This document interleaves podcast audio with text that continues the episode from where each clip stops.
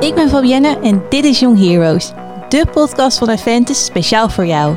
Iedere aflevering stellen Iris Bas en ik de vragen en vertelt de student zijn of haar persoonlijke verhaal. Onze jonge helden zijn eerlijk, openhartig en neem je mee in een gebeurtenis of situatie die hun leven heeft beïnvloed en vaak veranderd. Hoe gingen ze hiermee om? Wie stond er voor ze klaar? En welke les hebben ze hiervan geleerd? Check snel Young Heroes. Young Heroes. Onze gast is Tjitske. Ze zit goed in haar vel en de zon schijnt in haar leven. Maar dit was niet altijd zo. Een paar jaar geleden woog ze 25 kilo meer dan nu. Haar zelfbeeld was laag. Wat was er aan de hand? Speelde de relatie die ze had een rol? Wat heeft ze eraan gedaan? En hoe kijkt ze erop terug? We vragen het aan Tjitske. Het gesprek met Tjitske hadden we een jaartje geleden. Aan het eind van de aflevering maken we dan ook een tijdsprong en checken we even hoe het nu met haar gaat. Laten we beginnen. Dit is de 10 Young Heroes over kilo's en zelfbeeld. Young Heroes.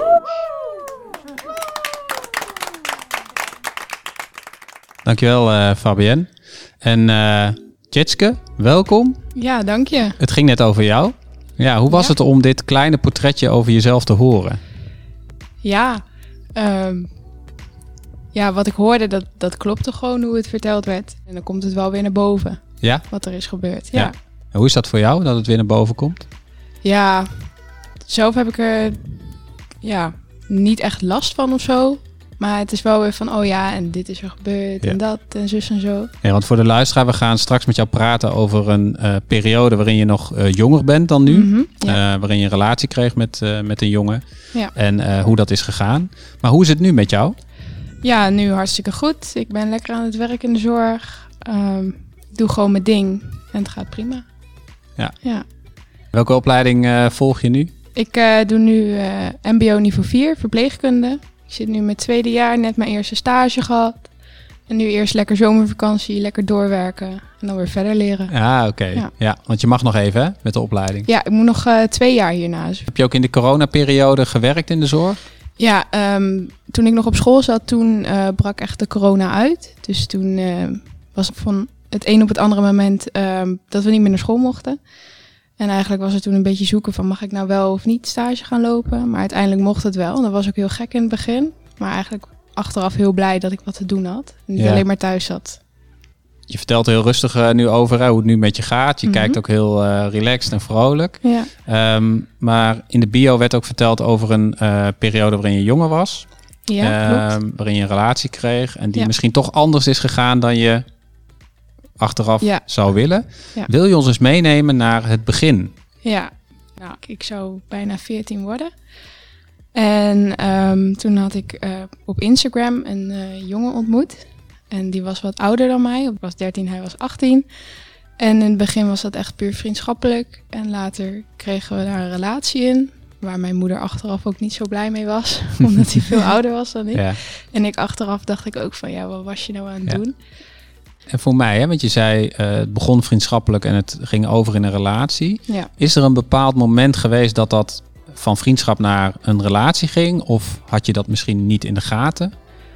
Dat is echt begonnen, want ehm, op een gegeven moment, hij woonde in, ehm, in eh, Brabant. Dus hij woonde wel een stuk ver weg. Nou, ik wou hem wel een keer ontmoeten. Dus eh, we gingen afspreken bij mij in de buurt op het station. Dus daar heb ik hem voor het eerst gezien. En eigenlijk daarna ging het van vriendschap naar meer. Ja, want je vond het een leuke jongen. Ja, ik vond het een leuke jongen op dat moment, ja. ja. ja. En hij vond jou ook Hij leuk. vond mij ook leuk. Ja, Ja.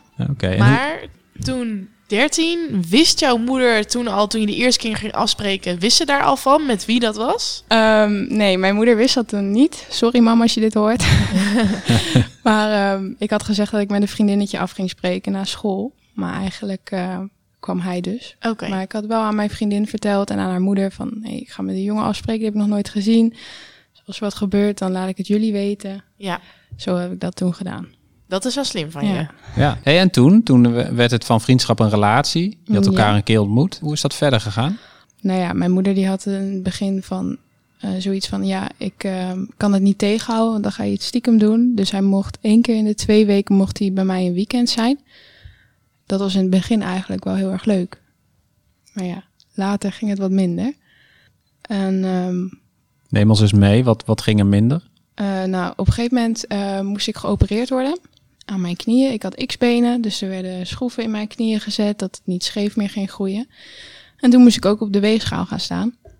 Toen gaf die weegschaal, eh, nou, bijna 90 kilo gaf die aan. Oké, en even voor de luisteraars, ze kunnen jou niet zien, maar je weegt nu absoluut geen 90 kilo. Nee, zeker niet. Nee. Ik heb er nu bijna 30 al vanaf. Oké, Daarvoor, voordat ik op die weegschaal ging staan in het ziekenhuis, toen had ik eigenlijk helemaal niet zo door dat ik zo dik was. hoe kwam dat? Ja. Ehm, ik hield gewoon heel erg van eten. Dat, ehm, alles ging naar binnen, zeg maar. En mijn vriend destijds, die haalde ook heel veel eten voor mij. Dus eh, die kwam dan thuis met drie zakken van die chocoladepinda's en eh, zakken chips. En dat ging allemaal in één keer naar binnen. En hij had er bijna niks van. Dus eigenlijk alles ging bij mij naar binnen. Toen werd ik steeds dikker, maar ik had het zelf niet echt door. En ehm, hij haalde dat. Ja.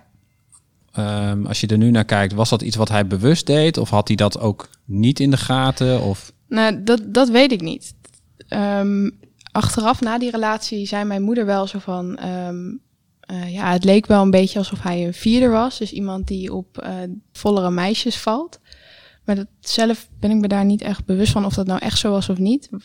Ik had zelf wel zo'n idee van, ja, hij nam, eh, ehm, hij nam al die dingen voor mij mee. En hij vond mij nog steeds mooi. Terwijl ik zelf gewoon al uit mijn voegen barsten, zeg maar. Ik paste mijn kleren ook niet meer. En En, en je zegt zelf van, goh, ik stond op de weegschaal. Toen werd het eigenlijk eh, zichtbaar, hè? Van er staat 90 kilo. Of ja. eh, had je het voor die tijd niet in de gaten? Dat het... Nee, nee, ik had het daarvoor niet zo in de gaten. Want als ik, ehm, ik heb nog foto's op mijn telefoon staan van voordat ik zo dik ben geworden, zeg maar. Dacht ik, ja jeetje, dat is wel echt ver gegaan. Ja, En als ik nu foto's laat zien van, ehm, van aan mensen van hoe ik echt 90 kilo was, dan zeggen ze ook van, oh, valt wel mee. Als ik daar zelf aan terugdenk, viel het helemaal niet mee. nee. En hij ehm, wees daar niet op of hij gaf nooit aan van, joh, ik merk dat je wat aankomt. Of, eh, Nee, nee, hij eh, wees daar nooit op. nee. Waren er anderen die dat wel deden? Ehm, mijn moeder die heeft dat vooral heel erg gezien. Maar zij durfde er nooit zo wat van te zeggen. Omdat ze bang was dat ik, eh, dat ik dan meteen heel onzeker werd. Daarom zei ze dat dus eigenlijk ook niet. En achteraf zei ze dat dus wel Ja. nadat het uit was. Ja, je noemt zelf onzeker, hè? Ja. Net. Ehm, heb je zelf een idee nu? ehm, wat maakte dat je toen je 13, 14 was zo graag en veel eh, snoepte? Toen ik die leeftijd had, toen ging ik natuurlijk net naar de middelbare school. Mijn ouders waren gescheiden. En ehm, toen eh, was ik heel vaak heel down. Echt wel tegen een depressie aan, zo zou je het kunnen zeggen. En eh, dus ik was ook wel echt een stresseter. Echt, Oké. als, ik, eh, als ik stress had of ehm, de emoties zaten hoog, dan ging ik eten. Oké. Ja. Doe je dat nu nog?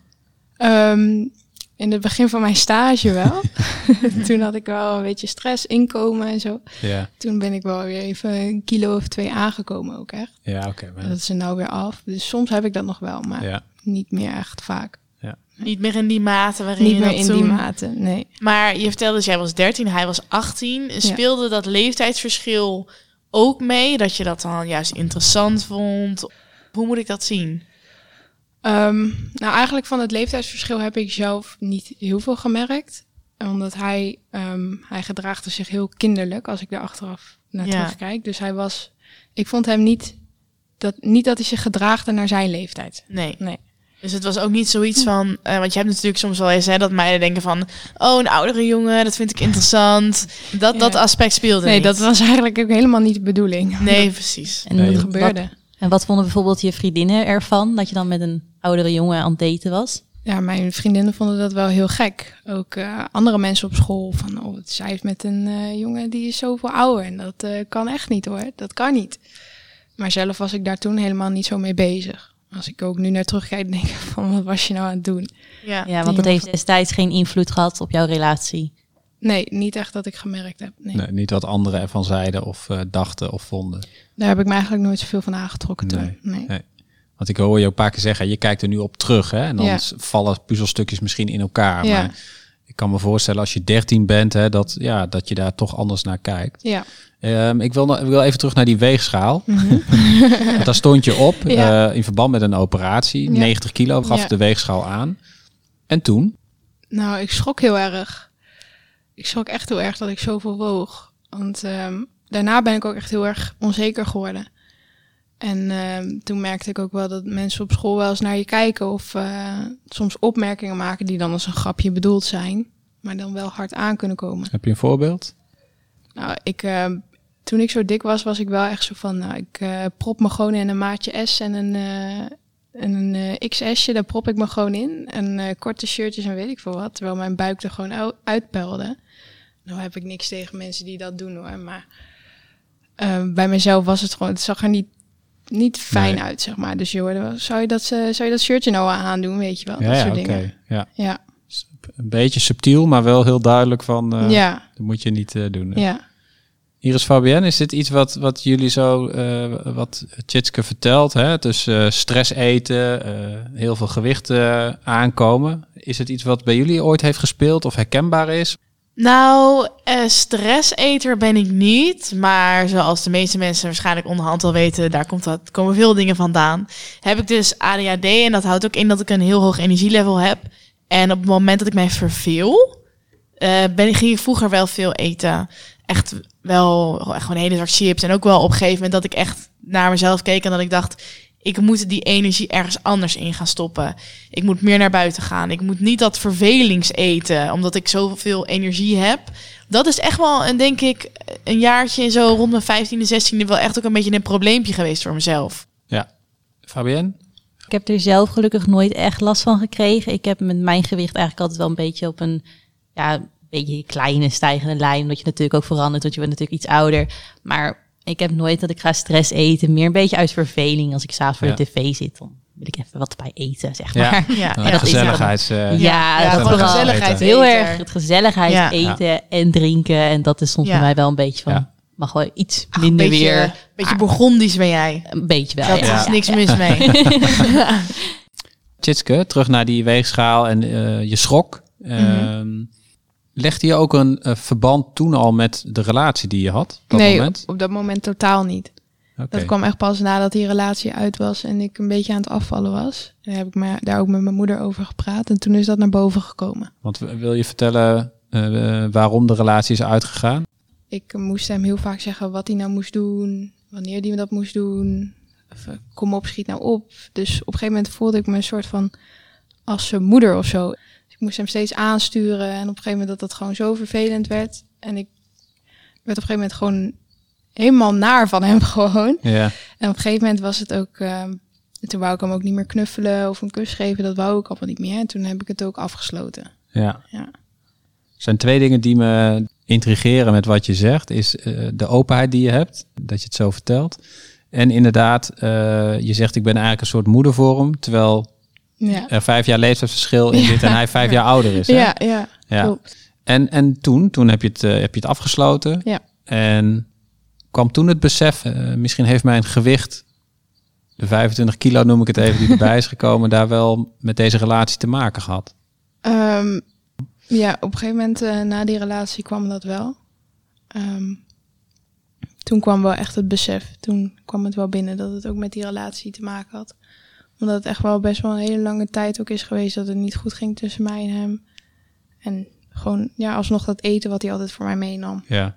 Kan het zijn dat, dat hij misschien dat, dat hij het goed bedoelde, of dat hij zoiets had, hey, als ik eten meeneem, dan is Tjitske weer wat vrolijker of wat blijer, of dan, dan laat ik blijken dat ik toch ja, misschien was dat het, dat het ook wel, dat hij gewoon zijn best wou doen en wat lekkers voor mij meenam. Ja. Maar uiteindelijk is dat helemaal niet goed voor mij geweest. Nee. En dat was best wel in extreme mate misschien ook wel. Als ik zeg Ja. gewoon die drie zakken pinda's mee. Ja. Weet je wel, dat je best wel denkt, oké, nou dat is niet weinig. Ik bedoel, wij ze kunnen ook wel eens een avond zoiets wegeten, maar natuurlijk niet hè, op regelmatige basis.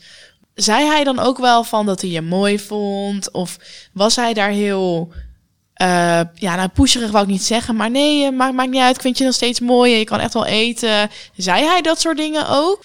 Er staat me wel wat van bij, want ik was natuurlijk, ik zat net op de middelbare school.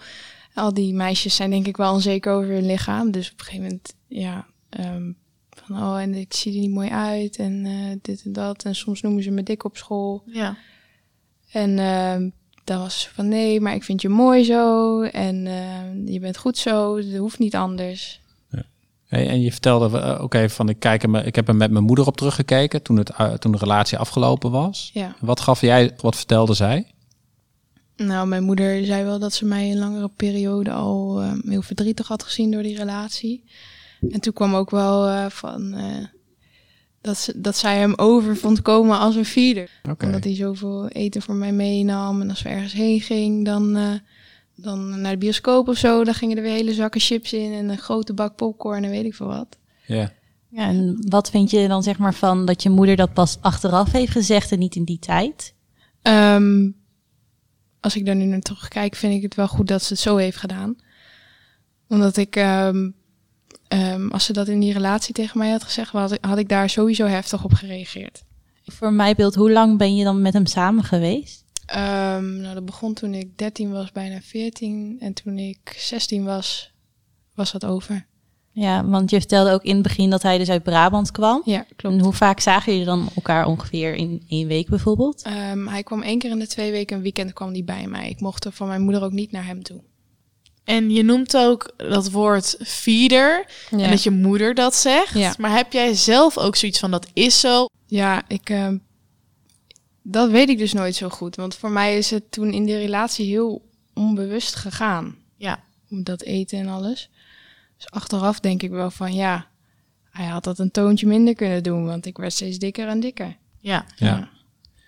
Hey, en eh, je zit nu hier bij ons. Ja, En eh, nou, je weegt, eh, wat zei je, 65 kilo? ja 60? 65 kilo, Ja. 60 kilo. Dus dat betekent dat er iets is gebeurd van het moment dat, Ja. dat je de relatie hebt afgesloten, eh, waarin je 90 kilo woog. Mhm. Wat Ja, is er gebeurd? Wat Ik, heb je gedaan? ehm, op een gegeven moment, eh, toen was het zomervakantie. En toen dacht ik, ik heb de hele dag de tijd. Ja, normaal gesproken was ik dan hele dagen gaan snaaien natuurlijk. Maar nu was ik daar klaar mee. En ehm, toen ben ik op een gegeven moment gaan diëten. Heb ik vooral veel water drinken en licht eten. En gewoon letten op de porties die ik eet. En af en toe mocht ik wel snoepen. En toen is het in het begin heel snel gegaan. En toen ben ik er ook bij gaan sporten. En ehm, toen ging mijn gewicht eigenlijk steeds verder naar beneden. Je hebt een paar keer genoemd, hè, dat depressieve gevoel misschien zelfs wel. Verander, Mhm. hoe, hoe ging dat met, met het eh, afnemen van de kilo's? Ver- Ja, ik veranderde dat gevoel ook? Ja, sowieso. Want ehm, ja, het was toen zomer natuurlijk. eh, korte broekjes en weet ik veel wat. Als ik toen een kort broekje aan had van toen ik nog 90 kilo was, dan had je echt zo'n gat aan de achterkant dat het veel te los zat. En daar werd ik dan wel blij van. Van ik doe dit nu gewoon en ik ben nu de kilo's kwijt. Ja, daar word je op een gegeven moment wel blij van als je zelfbeeld ook weer omhoog gaat. Oké. En, en waar merk je, merkte jij aan dat je zelfbeeld omhoog eh, gaat? Of ging? Ehm, nou, ik had die dikke buik niet meer. Alles was niet meer zo vol als het was. En ik had geen onderkin meer. En ehm, ik paste gewoon weer mijn oude kleren. En eh, van een XL naar een small. En dat, dat maakte me gewoon heel erg blij. Ging je daardoor ook weer andere dingen doen? Of eh, dingen ondernemen waarvan je Ehm, nou, vooraf dacht, nou, dat, dat doe ik eigenlijk niet meer? Of dat... vooral zwemmen deed ik niet. Oké. Omdat je dan een bikini aan moet natuurlijk. En dat vond ik verschrikkelijk. Dat ging ik toen ook wel weer doen. Nog steeds wel met onzekerheid. En van oh, hoe, zie ik, hoe ziet dat er nou uit? En, maar dat was veel minder. En eh, toen ik zo dik was en ik ging zwemmen... en mensen keken je ook echt aan, zeg maar. Ja. Dat was wel heel, heel vervelend. Als je daar gewoon wilt zwemmen en mensen kijken je aan. En toen was dat niet meer. Toen werd ik gewoon normaal aangekeken en niemand lette op je.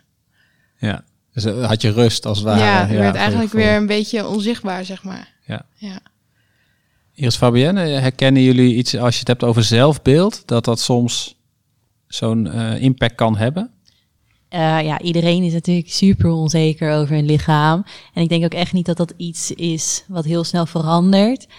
Maar ik probeer altijd wel gewoon voor mezelf een beetje tevreden in de spiegel te kunnen kijken.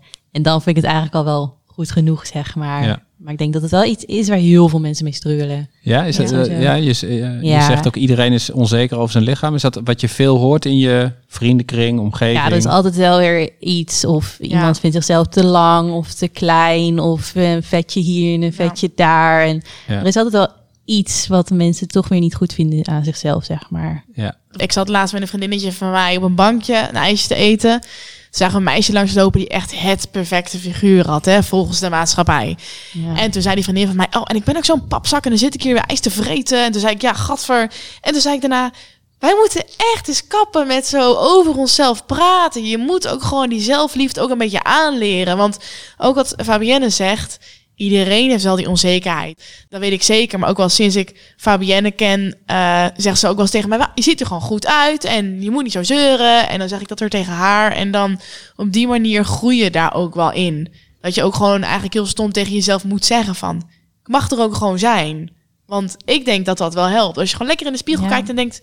Zo goed, ik moet niet zo zeuren. Ja. Tjitske, hoe denk jij daarover? Hoe kijk je daar nu naar? Ehm, ja, ik ben natuurlijk nog steeds wel af en toe onzeker over mezelf. Maar ik heb nu wel, als ik in de spiegel kijk, eh, dat ik wel echt blij ben met mezelf. En ja, er zijn dingetjes die ik graag anders zou willen hebben. Maar Ja, Ja. Ja, dat heeft iedereen denk ja, ik dat wel. heeft iedereen Bas, wel. heb jij dat niet? Dat jij denkt, nou, dit mag wel even een beetje anders van Ja, mij. ja ik, dus ik herken zeker wel wat Tjitske ook zegt, stress eten bijvoorbeeld, hè, wat jij vertelde. Ja. Dat herken ik ook nu in mijn werk. Als ik merk dat ik veel deadlines heb of veel op mijn bordje heb liggen qua werk, dan heb ik de neiging om toch wel wat meer eh, zoetigheid te gaan eten. Chocola vooral. Ja. Eh, maar ook wel wat betreft het lichaam. Ik heb vroeger heel veel gesport en dan ben je vanzelf eh, slank. Ehm, eh, ik- een anekdote als je het hebt over gewicht. Toen ik studeerde eh, raakte ik op een gegeven moment geblesseerd eh, met voetballen. Eh, zes weken geen trainen, maar wel zes weken blijven uitgaan en bier drinken. Op een gegeven moment paste de bril niet meer op mijn hoofd. In die zin, hij zat strak in mijn hoofd. En toen zei mijn moeder ook van Bas, volgens mij wordt het tijd dat je weer eens even op je gewicht gaat letten. Daarna is het best wel een dingetje voor mij geworden, inderdaad. Dat, dat, dat, ik, dat ik het vervelend vind als ik voor mijn gevoel te zwaar ben. Ja. Ehm, misschien zelfs omdat dat het soms dat je te veel ermee bezig bent. Dat is ook mijn vraag aan jou, Tjitske. Is het iets waar je heel veel mee bezig bent? Eh, dat Je gewicht? Is, dat is heel lang wel echt een obsessie geweest, ja. Ehm, ik deed elke ochtend en elke avond wegen. Dus eh, s ochtends ging ik op de weegschaal. En als het dan net iets te hoog was, dan had ik wou, dan was ik alweer de hele dag zagrijnig, zeg maar. En dan ging ik eh, s s'avonds kijken hoeveel, hoeveel zwaarder ik dan was dan s ochtends. En dan eh, de volgende dag weer kijken of er weer wat af was. En dan weer s'avonds. Dus het werd echt een obsessie op een gegeven moment. Oké. Dat moment op die weegschaal, dat is misschien wel zo, ben je zo van geschrokken, dat dat Ja. nu iets is waar je toch altijd op let. Ja, dat is heel lang geweest. Dat is echt van de laatste tijd dat dat nu een beetje afneemt. Ik sta bijna nooit meer op de weegschaal. Ik- Als ik in de spiegel kijk en ik ben er blij mee, dan vind ik het Ah, prima. Ja. Ja, maar dat was toen echt een obsessie. En al was het maar 100 gram eh, te veel en dan was ik alweer de hele dag, hoefde je niet tegen mij te praten, zeg Ja. maar. Hey, en, en naast je gewicht, wat een rol heeft gespeeld in die relatie, hè? de relatie waar we over hebben gesproken, Mhm. eh, die relatie is afgelopen. Ja. Ik weet dat je nu een, eh, een relatie hebt. Ja. Ehm, wat is iets wat je uit die relatie hebt geleerd, eh, waarvan je zegt, hey, dat neem ik toch mee, ook in deze relatie, maar ook in de omgang met andere mensen? Ehm, Lastige vraag. ja, ik vind, Ja? ik vind het een lastige vraag. Ik moet even over nadenken. Dat mag, dat is geen enkel probleem. Als ik hem vergelijk, mijn eh, ex van toen en mijn vriend van nu, zit zoveel verschil tussen. Eh, daardoor ben ik ook wel echt gaan beseffen dat ik eerlijkheid heel erg belangrijk vind in een relatie. Toen, toen ik 13 was en die relatie had, ja, ik was gewoon zwaar en mijn vriend zei daar niks van. En eh, mijn vriend die ik nu heb, die let daar ook wel op. Want als ik te veel snoep, zou je niet even wat minder doen? ja. Weet je wel, dat soort dingen. Dus ik heb wel heel erg geleerd dat ik eerlijkheid heel erg belangrijk vind in een relatie. Ehm, En is het ook andersom, dat jij ook de dingen die jij belangrijk vindt, ehm, vertelt aan hem? ja, hij eh, sport heel veel. Hij is echt een beetje bodybuilder type, zeg maar. Ja. En nou, als hij dan een, een, eh, dag niet gesport heeft, oh, je moet wel sporten, kom op, je moet wel doorzetten. Ja. Niet altijd natuurlijk, want hij sport thuis. En als ik daar ben, dan wil ik natuurlijk dat hij lekker bij mij op de bank komt Ja, ja, maar dan moet ja. hij gaan sporten. Ehm, hij is eerlijk tegen mij en ik ben eerlijk tegen hem. Ja. Ja. Want is dit ook iets wat je gewoon ook besproken hebt? Dat, dat het voor jou een punt van aandacht is met hem bijvoorbeeld? Dat je gewoon zelf zei, joh, ik, het heeft in, eh, toen ik jonger was, heeft dat gespeeld bij mij. Ik vind dat belangrijk, mijn gewicht. Ehm, ja, hij weet dat ik mijn gewicht heel erg belangrijk vind. Ja, oké. Ja, Vooral in het begin van mijn relatie met mijn vriend. ja. Toen was ik daar nog heel erg mee bezig. Maar dat is nu ook wel, wel, wel weer minder geworden. Ja. Ik wil er ook niet meer zoveel mee bezig zijn. Ik vind het goed nu. En eh, eh, met, mijn gewicht hoeft niet lager en zo is het prima. En met je moeder, je hebt het over eerlijkheid en, en gewicht. Is het iets wat, wat je met haar nog wel bespreekt? ja, mijn moeder is zo van, eh, nou, nou moet je niet meer afvallen hoor. Dat is het Ja. enige waar we het over hebben, zeg maar. Over die eh, hele relatie en hoe dat is gegaan met afvallen, daar hebben we het niet zo Nee, vaak meer over. Het is nu, eh, Zo is het goed. ja, ja. ze zorgt er nu voor dat je niet te Ja, da- daar zorgen we Dat het weer de andere kant op gaat. Dat andere willen we ook niet. Ja, wat eh Tjitske vertelt. Is het herkenbaar voor jullie? Of is het iets waarvan je zegt, ja, dat zou mij ook kunnen gebeuren? Ja, ik denk op eh, jonge leeftijd ben je sowieso kwetsbaar, denk ik. Je bent heel erg aan het puberen, je bent aan het ontwikkelen. eh, verliefdheid kan je, best, kan je hoofd best wel overnemen.